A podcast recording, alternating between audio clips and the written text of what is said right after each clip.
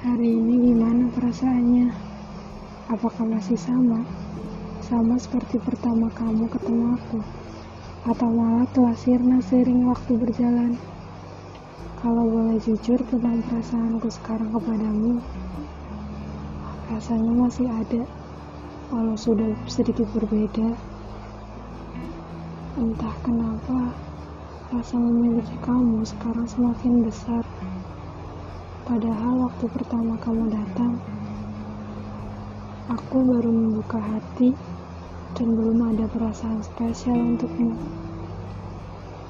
Memang benar, kalau kita sering berhubungan walau walau dalam bentuk virtual sekalipun, semuanya bisa terkoneksi. Pikiran, hati, kemudian perasaan. Beberapa perhatian kecil yang kamu berikan padaku mampu meluluhkan hati yang yang tadinya beku. Entah mulai egois atau rakus, tapi rasa tidak ingin kehilangan kamu semakin tegas setiap harinya. Padahal beberapa kali aku berusaha menepisnya. Ya, alasannya karena aku tidak ingin merasakan sakit yang begitu sakit nantinya.